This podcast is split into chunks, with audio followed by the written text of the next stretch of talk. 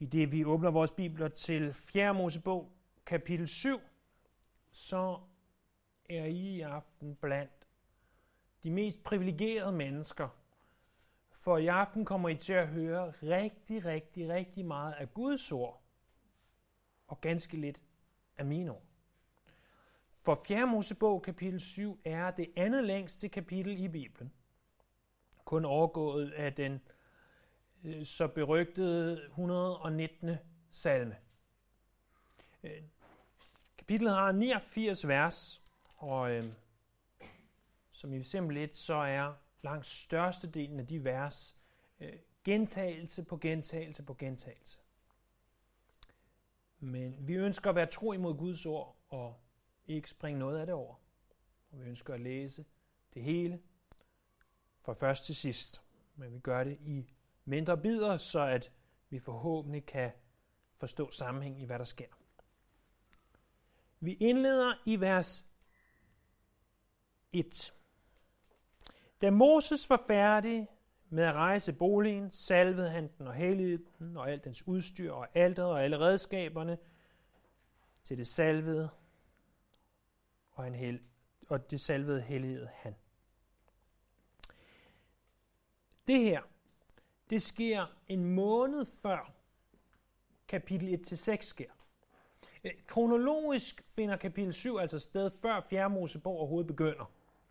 Hvis vi skulle indsætte kapitel 7 sådan et sted kronologisk, så ville nok omkring 3. Mosebog, kapitel 8, vers 11, være det bedst tænkelige sted. Men det har for det første Moses ikke valgt at gøre, og derved heller ikke Helligånden valgt at gøre. For 3. Mosebog fokuserer jo specifikt på det her med offringerne og med Guds hellighed. Og kapitel 1-6 af 4. Mosebog handler om, hvordan at lejren og folket skal organiseres. Og tage kapitel 7 og indsætte i 3. Mosebog vil være totalt ud af kontekst. Og at tage kapitel 7 og indsætte øh, før kapitel 1-6 vil gøre, at der vil være alt for mange spørgsmål i kapitel, 1 til, øh, eller i kapitel 7 om, hvorfor det, når vi ikke har set kapitel 1-6 allerede. Eksempel. I kapitel 1-6 hører vi om, at Levis stamme er inddelt i tre, og at hver af de øh, tre grupperinger har specifikke opgaver ved tabernakler. Her i kapitel 7 får vi at vide, at hver af de tre familier i Levis stamme, de får nogle vogne. Eller nogle af dem får vogne, og nogle gør ikke. Og hvis vi ikke havde haft kapitel 1-6, så ville det her overhovedet ikke give nogen mening. Og det kan godt være, at det, jeg lige har stået og sagt, overhovedet ikke giver nogen mening. Men bare vent. Når vi kommer til det, så giver det forhåbentlig lidt mere mening. Det eneste, jeg vil forstå med den her ellers så lange, lange indledning, er kapitel 7 kronologisk sker før kapitel 1-6, men teologisk og sammenhængsmæssigt sidder det og er det placeret det helt rigtige sted, så forståelsen bliver størst muligt. Moses er færdig med at rejse tabernaklet eller teltet, eller kald det hvad I vil. Og hvad sker der så? Jo, vers 2. Israels høvdinge, overhovederne, fra deres fædrenehus, stammehøvdingen, de som stod i spidsen for de mønstrede, de trådte frem. Så Israel har 12 høvdinge, en for hver stamme, og de træder nu frem. Det er bemærkelsesværdigt, at det er lederne, der træder frem. For lederne bør gå foran. De bør lede som gode eksempler. De gaver, som de nu skal give, det er ikke umiddelbart noget, der er planlagt. De planlægger det nok indbyrdes, men det er ikke noget, Gud har sagt til dem, de skal gøre. Det er noget, så vidt vi kan se ud fra skriften, noget de gør ud af deres eget gode hjerte. Vers 3. De trådte frem og bragte deres gave fra Herrens ansigt. Seks overdækkede vogne, 12 okser, en vogn for hver to høvdinge og en okse for hver enkelt. Den bragte de hen foran boligen. Så der er jo altså 12 høvdinge, eftersom der er 12 stammer. Og to stammer går sammen om en vogn, og den vogn skal vi nok forestille os noget i retningen af sådan en gængs prærievogn. Øhm, det er ikke sikkert, at den havde fire hjul, det kan godt være, at den havde to hjul, øh, og det er heller ikke sikkert, at overdækningen lige var sådan helt klassisk rundet, som vi husker det fra alle vores mange westernfilm, vi blev tvunget til at se. Det var børn, og det var måske kun mig, der blev tvunget til at se dem, men det blev jeg. Og øhm, al respekt for westerns, jeg, jeg, det fangede aldrig helt mig, men min far han elsker dem, så jeg har set mange westerns i mine dage. Og, og de har altså den her helt klassiske prævogn. Noget i den stil skal vi tænke. To høvdinger om en, derved seks vogne. Derudover 12 okser, en for hver høvding. Bemærk, det er okser, ikke tyre. En tyr, det er jo en, en hanko, men en okse i hvert fald i den her sammenhæng, jeg ved ikke om det er den normale danske definition, men i hvert fald i den her sammenhæng er definitionen, at det med største sandsynlighed er kastrerede tyre. Og, og det vil sige, at de kunne ikke bruges som offerdyr, men de kunne godt bruges til at trække en vogn. Nogen påstår, at det her dyr, sådan en, sådan en okse, om hvorfor ved jeg ikke, men at de bliver kendt for deres styrke og også deres tålmodighed. Og netop derfor vil de være velegnet til at trække en vogn. Så ser vi så videre i vers 4-7, hvad der begynder at ske med de her gaver. Og Herren sagde til Moses, Tag imod disse ting fra dem, og de skal bruges til at udføre arbejdet i åbenbaringsteltet. Du skal give dem til levitterne, til det arbejde, de hver især skal udføre. Så tog Moses vognene og okserne og gav dem til levitterne. To af vognene og fire af okserne gav han til gershonitterne til deres arbejde. Så Gud selv erkender, tag det her, som bliver givet. Det er en god ting. Det er noget, der kan bruges til arbejdet ved tabernaklet, ved åbenbaringsteltet. Og, og Moses adlyder naturligvis, og han giver så gershonitterne to vogne og fire okser.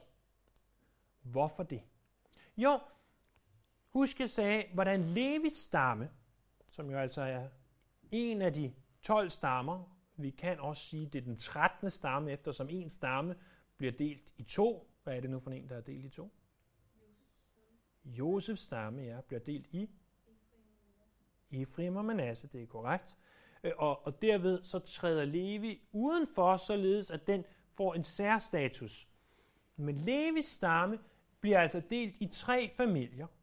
I Gershon, som den første her, i Kehat og Merari. Og Gershonitterne, de fik noget, det vi kan kalde semitungt arbejde. De skulle hovedsageligt tage sig af alle de ting, der var af stof. Så de fleste af de stofting, der var, dem skulle de tage sig af. Og det vil sige, at de får to vogne til at køre de her stofting på.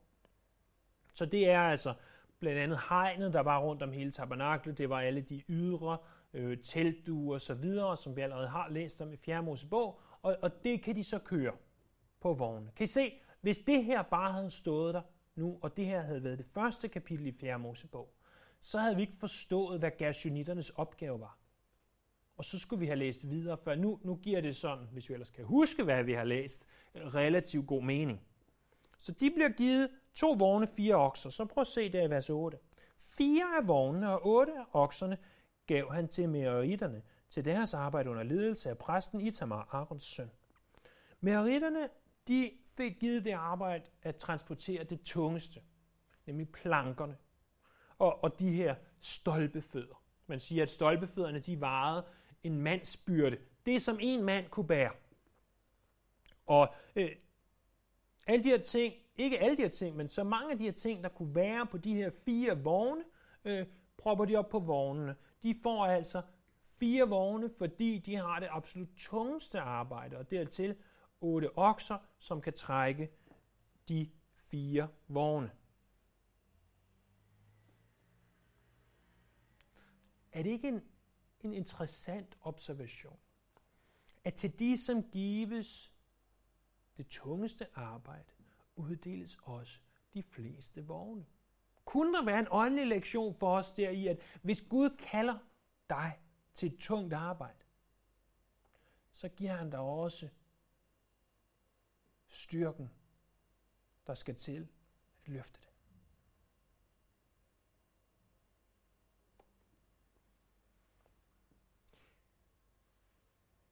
Jeg, jeg tror ikke på, at Gud han vil kalde dig til noget, som han ikke også vil udruste dig til. Og, og det er uanset om vi taler i form af det øh, sådan officielle, tjenestlige, øh, som at stå bag ved her ved en, ved en prædikestol eller andre lignende ting i menigheden. Øh, men det kan også være i form af det arbejde, som Gud har givet dig at hvis Gud har givet dig et arbejde og kaldet dig til et bestemt job, så sørger han for at give dig den styrke og de evner, der skal til at løse det arbejde. Så hvis du er i hans vilje, så skal han nok give dig evnerne til det.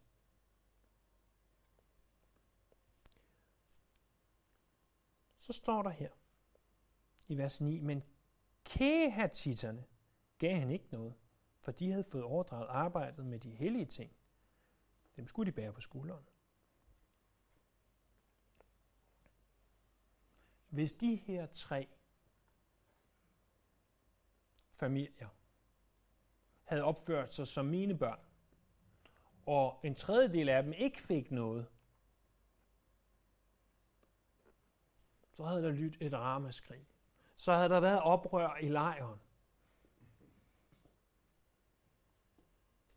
Men der var en ganske god grund til, at vognene blev delt ud til de andre. Ikke fordi keratitterne ikke havde noget at bære på. De havde skam masser at bære på. Blandt andet guldlysestagen, bordet til skuebrødrene, de forskellige aldre og vaske ting udenfor, og ikke mindst pagtens ark. Det, det var ikke letvægts, det de skulle tage sig af. Men det var højhelligt. Og fordi det var højhelligt, så skulle det ikke køres på en vogn. De skulle bære det.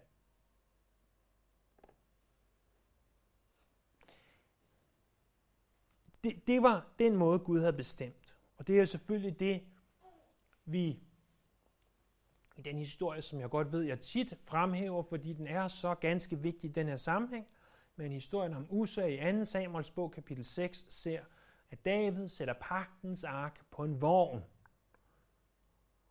Og det er det, at dyret foran vognen er ved at snuble, så rækker Usa ud for at stabilisere. Det skulle han aldrig have gjort, at han bliver slået ihjel på stedet. David siger, åh Gud, det er uretfærdigt, hvorfor slår du Usa ihjel? Men der er jo ikke noget uretfærdigt i det. Hvis Gud skulle have været retfærdig i den her sammenhæng, så er han ikke bare udslettet Usa, men David hele folk. Det, det havde været det retfærdige at gøre. Egentlig var Gud ganske barmhjertig ved, at han kun udslettede Usa, og ikke dem alle sammen. Men pointen i den historie er, at vi kan godt have gode intentioner. Usas intention var god. Han ville beskytte arken. Men det var bare ikke rigtigt, det han gjorde. Det var ikke bibelsk. Og når vi ser hvordan at de 12 stammehøvdinge kommer med 12 okser og 6 vogne, så kunne de godt have sagt, I skal have to vogne hver. Fire okser hver. Det havde bare ikke været rigtigt. Det havde været et fint motiv. Der havde ikke været det her øh, barnlige oprør i lejren, som vi ikke ser, der er, men som der kunne have risikeret at opstå ved, at det ikke er alle, der får det samme, og hvorfor skal vi bære og få ondt i ryggen, når de andre bare kan køre det på en vogn? Men det havde ikke været rigtigt. Det skal ikke være nogen hemmelighed, at det her kapitel handler helt klart om at give til Herren. Og i det vi giver til Herren, og i det vi ser, hvor er der et behov, og det var det stammehøvdingene gjorde, de siger, vi kan se, at der kommer til at være et behov, hvis de får den her opgave. Hvordan de vidste, hvem der fik hvilke opgave, det ved jeg ikke, men det må de have vidst på en eller anden måde. Og, og øh, vi, vi giver det her, hvis der er øh, et behov, og, og de giver vogne. Og hvis du stiller dig i menigheden og siger, jeg kan se, der er et behov, og du så prøver på at give, imod, give til det behov, så det behov bliver opfyldt. Og det kan være med dine penge, det kan også være med dine øh, kræfter og, og din tid. Så er det jo en god ting. Men hvis du tænker, og det som der var en, der gav eksemplet på i det her tilfælde, hvis du tænker, jeg mener, der er en, en, et stort behov for en statue af Jesus herovre i hjørnet, og pludselig en dag vi dukker op, så har du sat en stor sølvstatue af Jesus, der står med udbredte hænder herovre i hjørnet. Så kan det godt være, at du tænker, der er et behov. Men, men Bibelen er temmelig klar på, at vi ikke skal opstille sådan former for, for billeder, fordi det kan gøre noget ganske forkert i os, hvis vi begynder på det. Så det kan godt være, at dit motiv er rigtigt, skrev ham her, bibelkommentatoren. Men det nytter ikke noget, hvis det du gør ikke er bibelsk. Så det er godt at se, hvor der er behov. Men det kan godt være, at du tror, der er et behov, hvor der ikke nødvendigvis er et behov. Så derfor er det også altid en god idé, inden I køber en 2,5 meter høj sølvstatue og stiller den op over hjørnet, lige at vente med dem, som Gud har sat til at lede menigheden, som nok forhåbentlig vil sige, øh, jeg tror, de penge, 10 millioner, eller hvad den vil koste, øh, som du vil give for sølvstatuen, kunne blive brugt bedre. Jeg har, har på fornemmelsen, at vi kunne øh, organisere de penge på en, på en lidt bedre måde, øh, end en sølvstatue, som alligevel vil blive være forsvundet næste gang, du dukkede op. Så det er i hvert fald nogle af pointerne, der er her.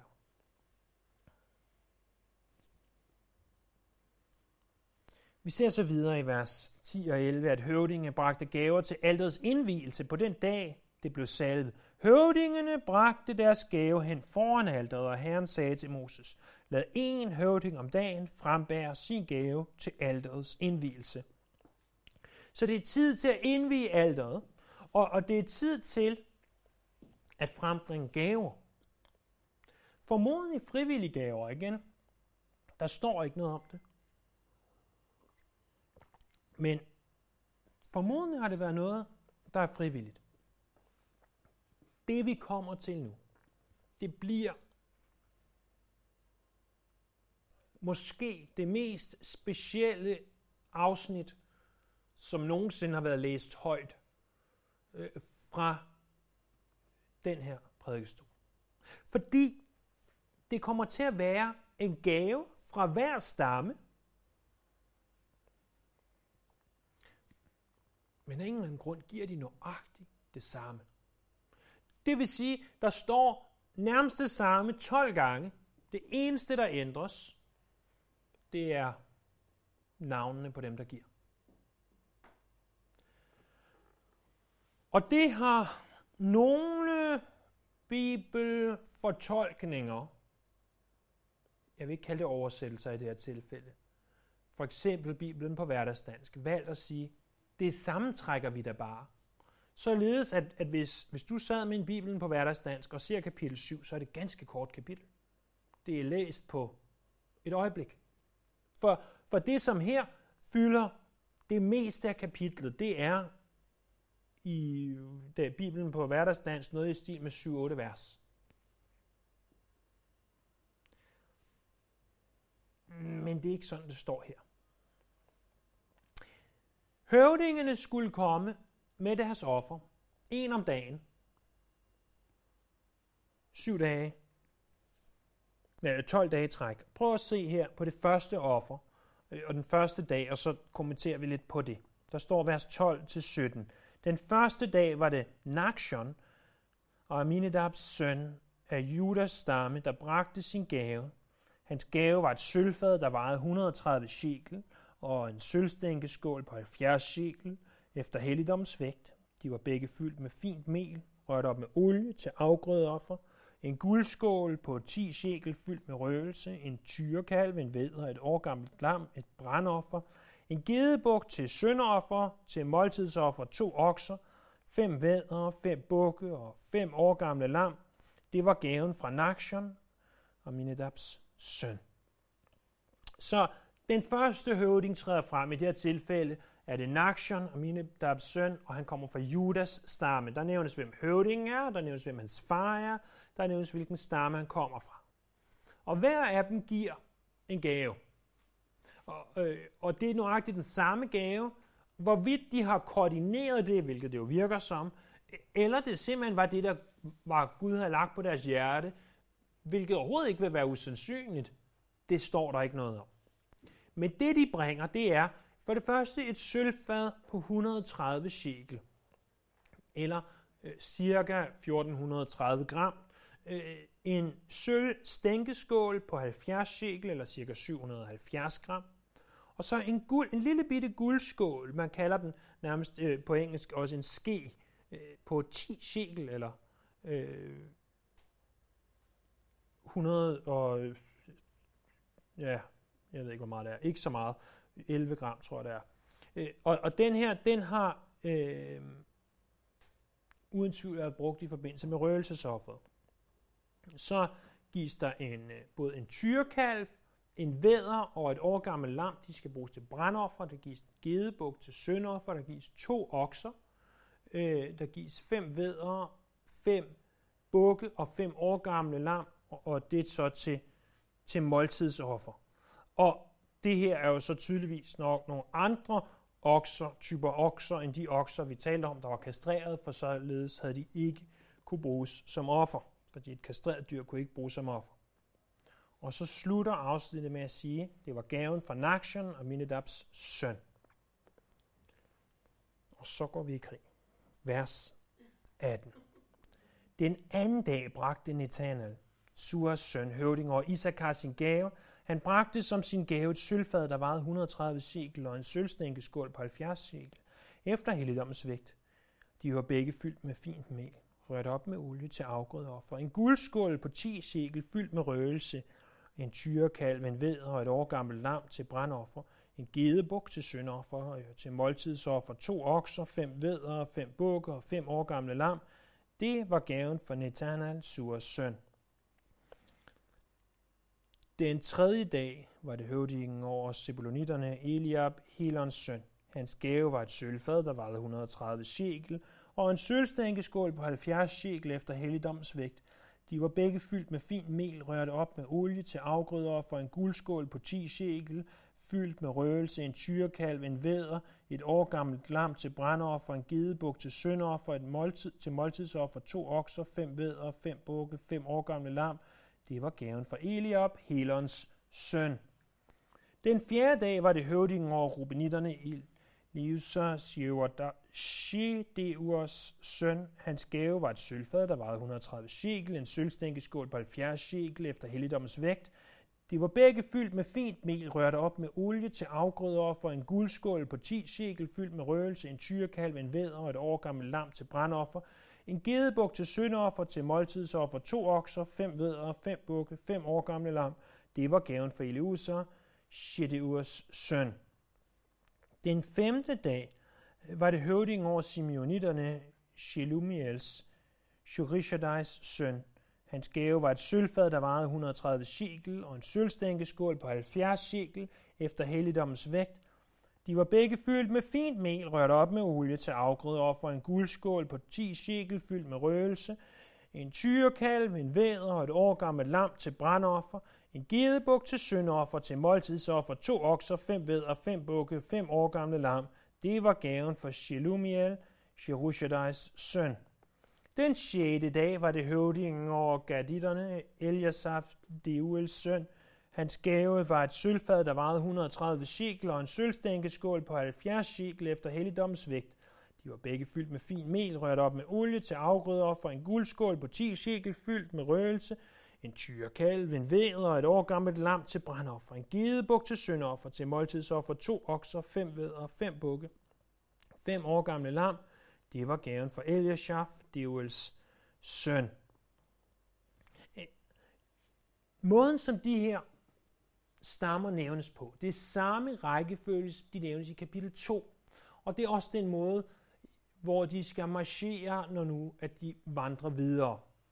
Eh, Indtil videre, før vi kom til Gad, som vi lige har læst på den 6. dag, der, der ved vi ikke rigtig noget om, om de andre. Vi ved dog lidt om Gads far, nemlig Deuel, som nævnes både i kapitel 1, vers 14, 7, 42, 7, 47, som især ser det kapitel, men også og i kapitel 10, vers 20, hvor han nævnes under navnet. Og, og i kapitel 10, vers 20, samt i 2, 14 under navnet Reuel.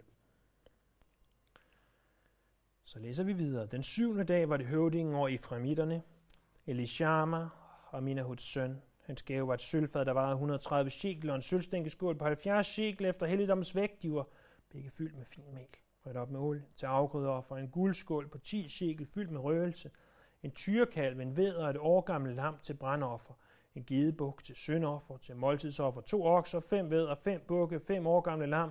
Det var gaven for Elishama og Minahuds søn. Og ham her, El, øh, Eliashaf, ham møder vi i 1. krønikebog 7, 26. Så står der i vers 54. Den 8. dag var det høvdingen over Manas, Manasitterne, Gamliel, Pedasurs søn. Hans gave var et sølvfad, der vejede 130 shekel, og et sølvstænkeskål på 70 shekel efter helligdommens vægt. De var begge fyldt med fint mel, rørt op med olie til afgrøder for en guldskål på 10 shekel, fyldt med røgelse, en tyrekalv, en væder og et årgammelt lam til brandoffer, en gedebuk til syndoffer, til måltidsoffer, to okser, fem vædder, fem bukke, fem år gamle lam. Det var gaven for Gamliel, Padasurs søn. Den 9. dag var det høvdingen over Benjamitterne, Abidan, Gidonis søn. Hans gave var et sølvfad, der var 130 shekel, og en sølvstænkeskål på 70 shekel efter helligdommens vægt. De var begge fyldt med fint mel, rødt op med olie til afgrødeoffer, en guldskål på 10 shekel fyldt med røgelse, en tyrekalv, en ved og et årgammelt lam til brandoffer, en gedebuk til syndoffer, til måltidsoffer to okser, fem vedder, fem bukke, fem år gamle lam. Det var gaven for Abidan, Gideonis søn. Den tiende dag var det høvding over danitterne, Akiesar og Amishadais søn, Amishadais søn. Hans gave var et sølvfad, der vejede 130 shekel, og en sølvstænkeskål på 70 shekel efter helligdoms vægt. De var begge fyldt med fint mel, rørt op med olie til afgrødeoffer, en guldskål på 10 shekel fyldt med røgelse, en tyrekalv, en væder og et årgammelt lam til brandoffer, en gedebuk til syndoffer, til måltidsoffer to okser, fem væder, fem bukke, fem år gamle lam. Det var gaven for Arkiesa og Mishadais søn. Den 11. dag var det høvdingen om Asheritterne, Pagiel og Grans søn, Hans gave var et sølvfad, der varede 130 shekel, og en sølvstænkeskål på 70 shekel efter helligdoms vægt. De var begge fyldt med fint mel, rørt op med olie til afgrøder for en guldskål på 10 shekel fyldt med røgelse, en tyrekalv, en ved og et årgammelt lam til brandoffer, en gedebuk til syndoffer, til måltidsoffer, to okser, fem vedder, fem bukke, fem årgamle lam. Det var gaven for Pagiel, Ogrens søn. Den 12. dag var det høvdingen over naftalitterne, og Kier, en hans søn. Hans gave var et sølvfad, der var 130 shekel, en sølvstænkeskål på 70 shekel efter helligdomsvægt.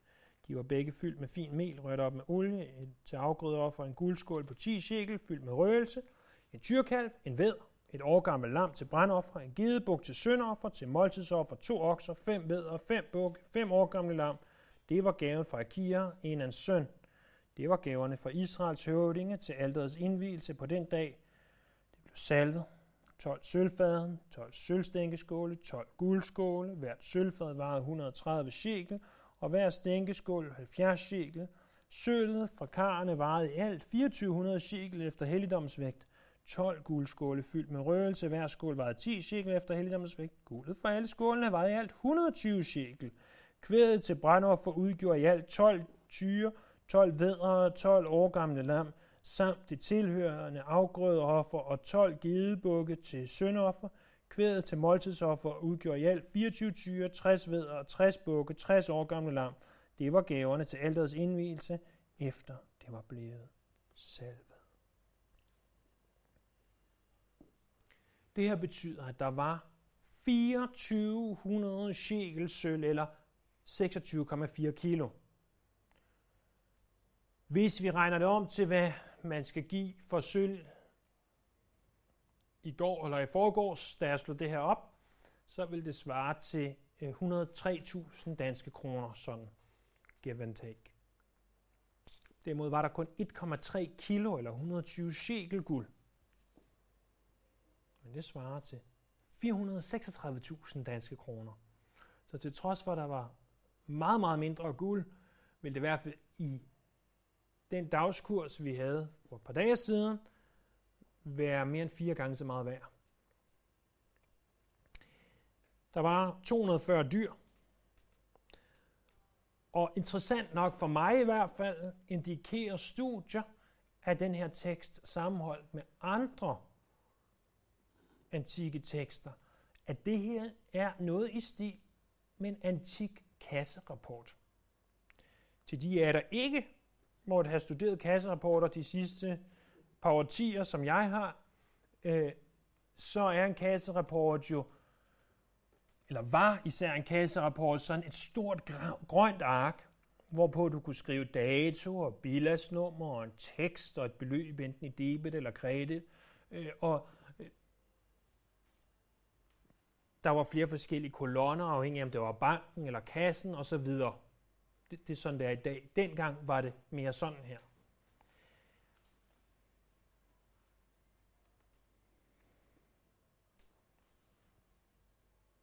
Og hvad så? Hvad så, at vi læser den samme ting 12 gange? Jeg kunne lige så godt have læst opsummeringen og sige, det her hvad de alle sammen har givet sig sammen. Læst den første, og så læst opsummeringen. Læst de 12 navne, og I havde forstået det fuldt ud lige så godt. Med jeres hoveder. Men det er ikke sikkert, at jeres hjerter vil forstå det på helt samme måde. For det første mener jeg, at vi bør læse det her i sin helhed, fordi det er en del af Bibelen. Vi slår og står på, at hele skriften er indblæst af Gud og nyttig. Når Paulus ved Helligånden skriver det i 2. Timotheus 3:16, så var der ikke nogen fodnote, der sagde, på nær 4. Mosebog, kapitel 7, i alle de mange gentagelser. Hele betyder hele. Og det kan godt være, at vi ikke umiddelbart ser sammenhængen, forstår det her, når vi læser. Men så læs det ud af tilbedelse til Herren. For jeg lover jer en ting, at i det, I læser igennem skriften,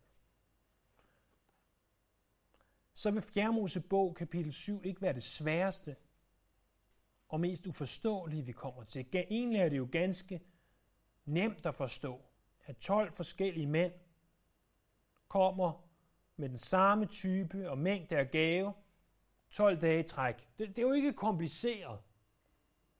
Vi kunne godt, hvis vi havde tiden til det, finde ganske mere komplicerede tekster. Jeg mener, det var Mark Twain, der sagde, at det er ikke de dele af Bibelen, jeg ikke forstår, der bekymrer mig. Det er de dele, jeg rent faktisk forstår, som i... Vi forstår måske ikke, hvorfor det her er der, men det kan være, at vi forstår ting, som vi skal gøre, siger han. Og, og det er ikke det her, der er det værste. Der, der er ting, hvor Jesus siger nogle, noget mere radikale ting, end det vi læser her, som er, er langt mere øh, angstprovokerende, end at læse det her lange afsnit. Så læs det, om ikke andet som tilbedelse af Herren, og fordi det er en del af Bibelen. Men, men der er også en anden ting. Det er,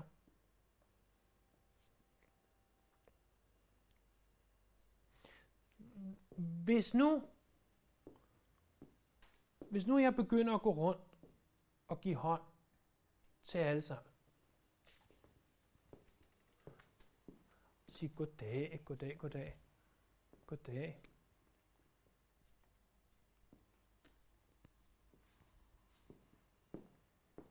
Og så går jeg herop igen. Og så sidder der en hernede på bagrækken og tænker, hvorfor i alverden gav han ikke hånd til mig? Har jeg spist hvidløg? Har jeg glemt at tage et bad? Hvor, hvorfor? Må jeg hellere gøre det, for ikke at, at han skal tro, der er noget i vejen. Sådan så, så, har, så har jeg fået givet hånd til jer alle sammen. Ikke? Prøv at tænk på hvad den, der vil være blevet forbigået.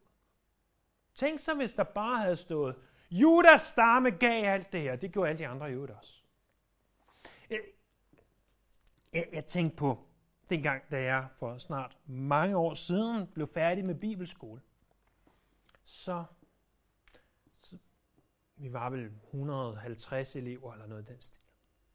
Så sad vi, skulle vi op foran, og vi havde på forhånd indtalt et eller andet skriftsted, som betød meget for os. Jeg tror, mit var Matthæus 6:33, søg først Guds rige. Og det blev afspillet over højtaleranlægget her i Calvary Chapel, Costa Mesa, hvor der var 1000 mennesker til stede eller et eller andet.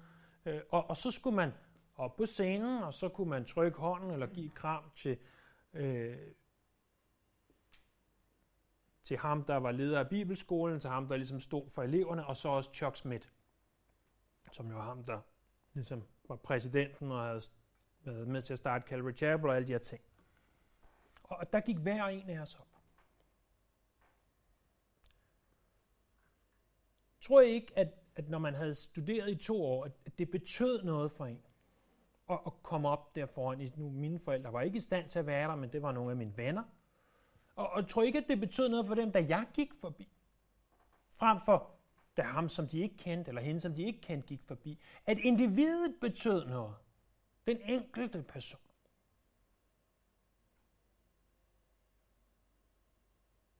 Selvfølgelig gør det det. Og, og Gud forbigår os ikke. Han viser ved at inkludere det her afsnit i detaljer. Hver eneste person. At din gave, din gerning, dig, lille dig og lille mig, så ganske ubetydelige i den store sammenhæng, men i Guds øjne med en stor betydning. At det du gør for Gud, det betyder noget. Det blev ikke bare overset, at, at du gjorde det også. Det taler da helt ganske personligt til mig. At jeg står her en onsdag aften væk fra min familie og, og udlægger og læser det næst længste kapitel i Bibelen højt for en håndfuld af mennesker. Det ved jeg da godt, at det er der da ikke noget gloværdigt i sammenlignet med i menneskers øjne, hvad Chuck Smith, eller hvem det nu måtte være, i menneskers øjne havde udrettet. Men Gud går ikke mig forbi. Han ser det, jeg gør, og han ser det, du gør for ham.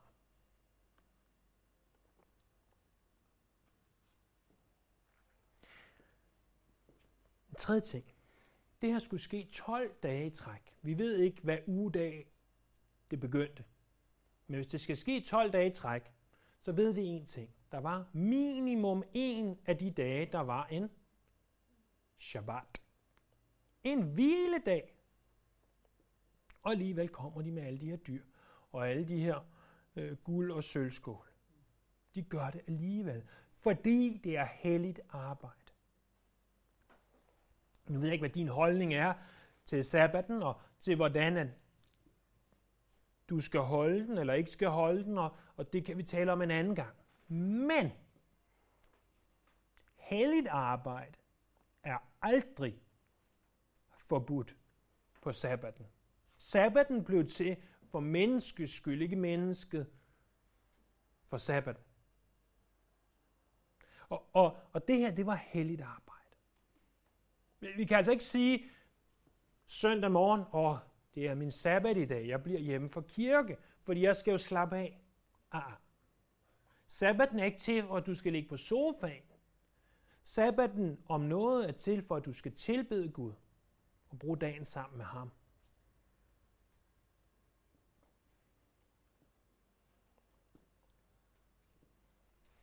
En fjerde ting, vi kan observere er, og her kommer bogholdergenet, hvis der er noget, der hedder det, øh, op i mig igen.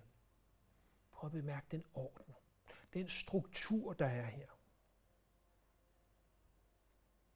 Gud er en ordnens Gud, ikke en forvirringens Gud. Hvis vi ser forvirring, hvis vi ser noget, som er totalt ustruktureret,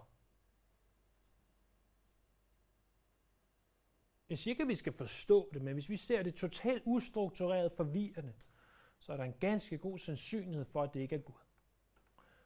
Gud han sørger for, at der er orden og styr på ting.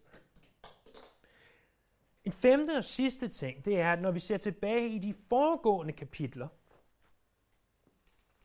så er Judas stamme mere end dobbelt så stor som blandt andet Manasses eller Benjamins stamme.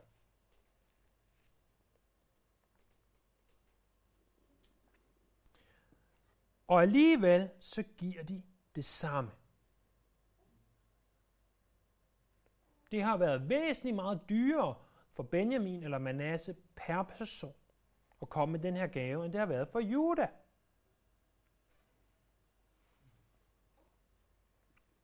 Og, og jeg ved godt, at økonomisk set har vi alle sammen en forskellig formål. Men der er én ting, som vi alle kan give ligegyldigt. På samme måde. Til samme værdi. Det er vores liv. Det kan godt være, at du tjener dobbelt så meget som ham eller hende, du sidder ved siden af. Men det er ikke i den her sammenhæng det væsentligste. Det væsentligste er her, at hver og en af os har en ting, vi kan give. Det er vores liv. 100 procent. Er det ikke det, som Paulus skriver til romerne i kapitel 12, vers 1? I skal bringe jeres lamer som et helligt og levende offer, der er Gud til vel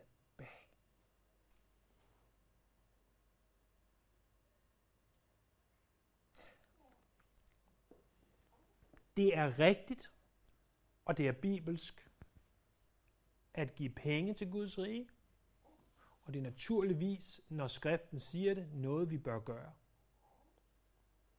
Hvor meget står der ikke noget om. Men der står, at vores liv skal gives til Gud.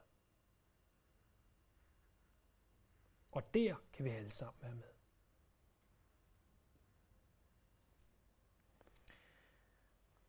Så slutter kapitlet i vers 89 men der står, at hver gang Moses gik ind i åbenbaringsteltet for at tale med Herren, hørte han stemmen tale til sig for zonedækket oven på vidensbyrdets ark mellem de to keruber. Den, altså stemmen, talte til ham.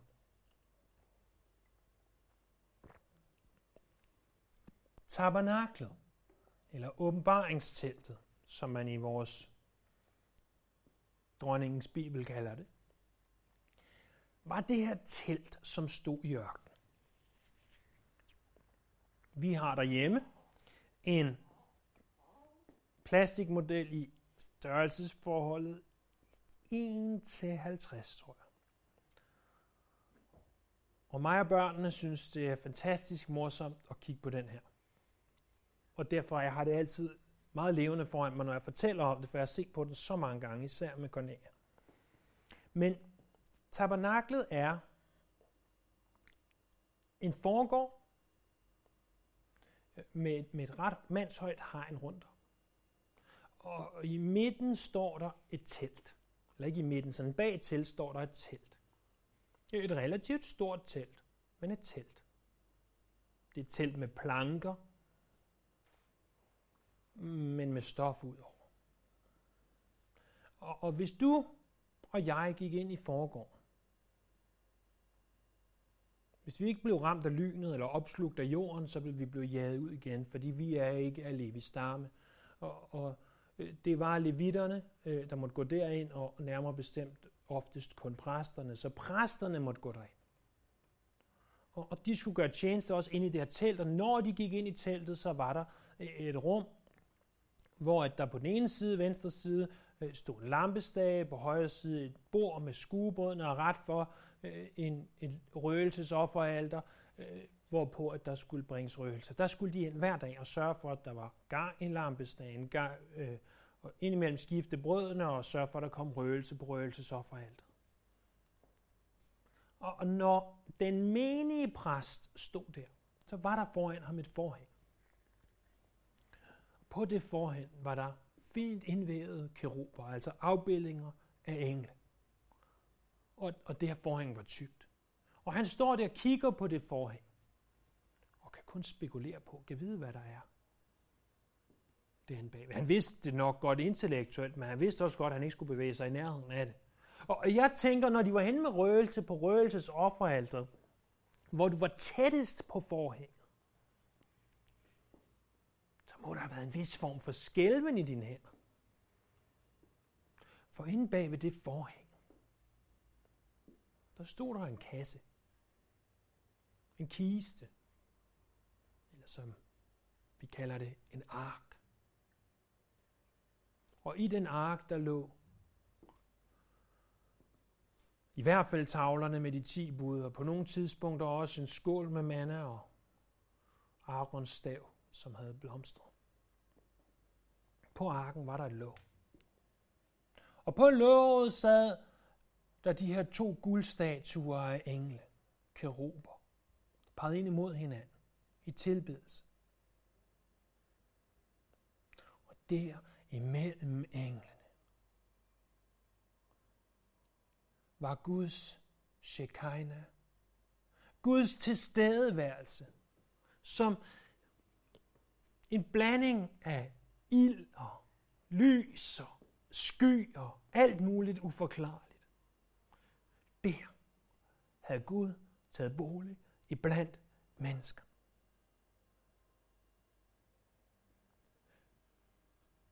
Der står ikke, hvor langt den Moses gik. Om han stod ved røgelsesofferalteret, eller om han bevægede sig helt ind bag ved forhænget. Men der står, at han hørte Gud tale fra zonedækket, fra nådestolen, som vi også kalder den.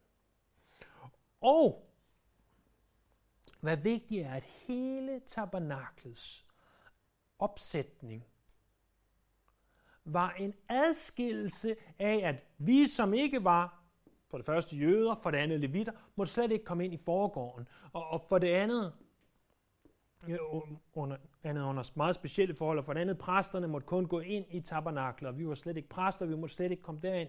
Og så ind i det allerhelligste øh, ser vi i hvert fald senere, at det kun var ypperste præsten, og kun én gang om året på den allerhelligste dag, Yom Kippur, at han måtte gå derind. Og vi havde ikke adgang, vi kunne ikke komme derind. Hele opsætningen var adskillelse. Gud og mennesker er adskilt. Men så går Moses derind, og han hører Gud tale. Ganske som der blev lovet i 2. Mosebog kapitel 25, vers 22.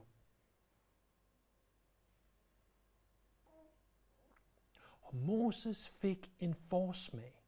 Han fik en forsmag på det, som du og jeg har oplevet.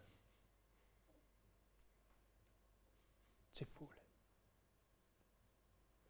At Gud ikke længere er bag ved forhænget, men at Gud ved sin hånd har taget bolig i os.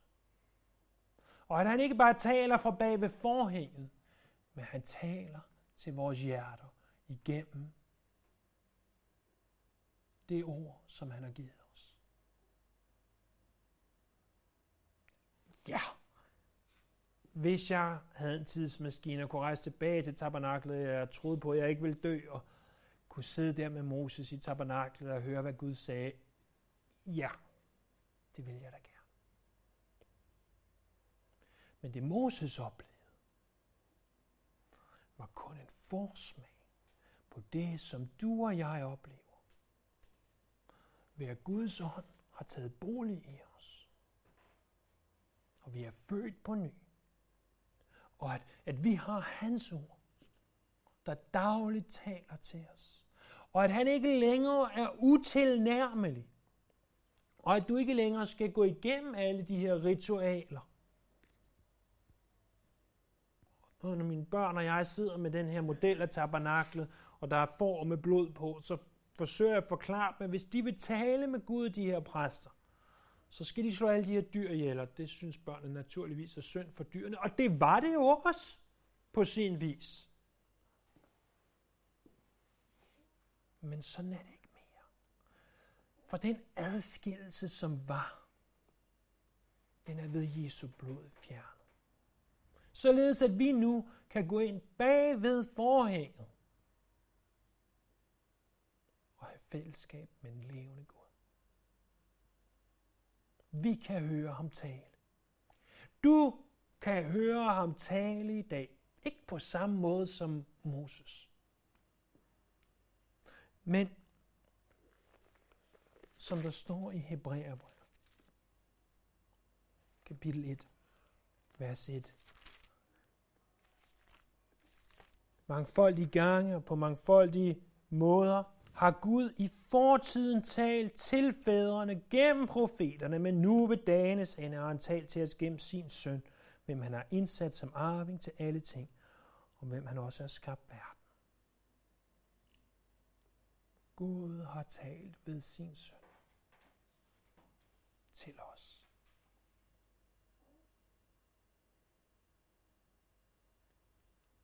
Hele den her adskillelsesstruktur er fjernet. Forhænget er revet i to. Der er nu adgang. Og venner, brug nu den adgang. Brug den. Uden at virke uheldig, så udnyt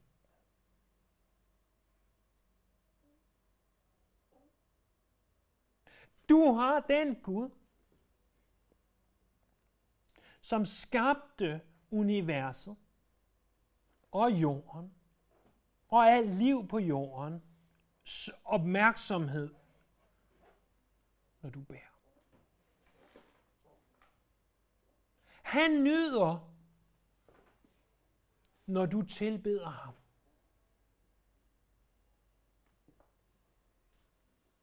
Han elsker, når du åbner hans ord og lytter til ham.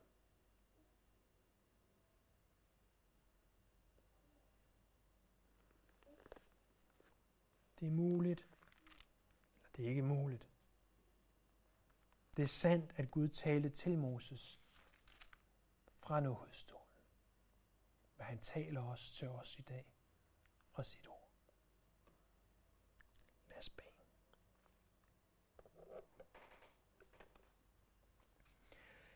Her jeg fornemmer, at vi her bevæger os på hellig grund.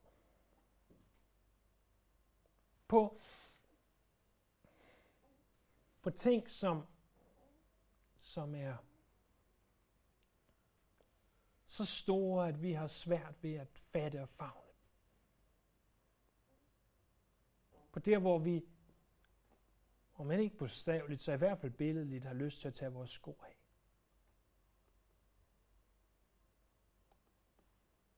og løfte vores hænder her i tilbedelse af dig. Vi ophøjer dit navn, og vi lover dig. Du som er så uendelig meget større end os, men alligevel ønsker at have fællesskab med os. Vi priser dit navn. Vi ophøjer dig.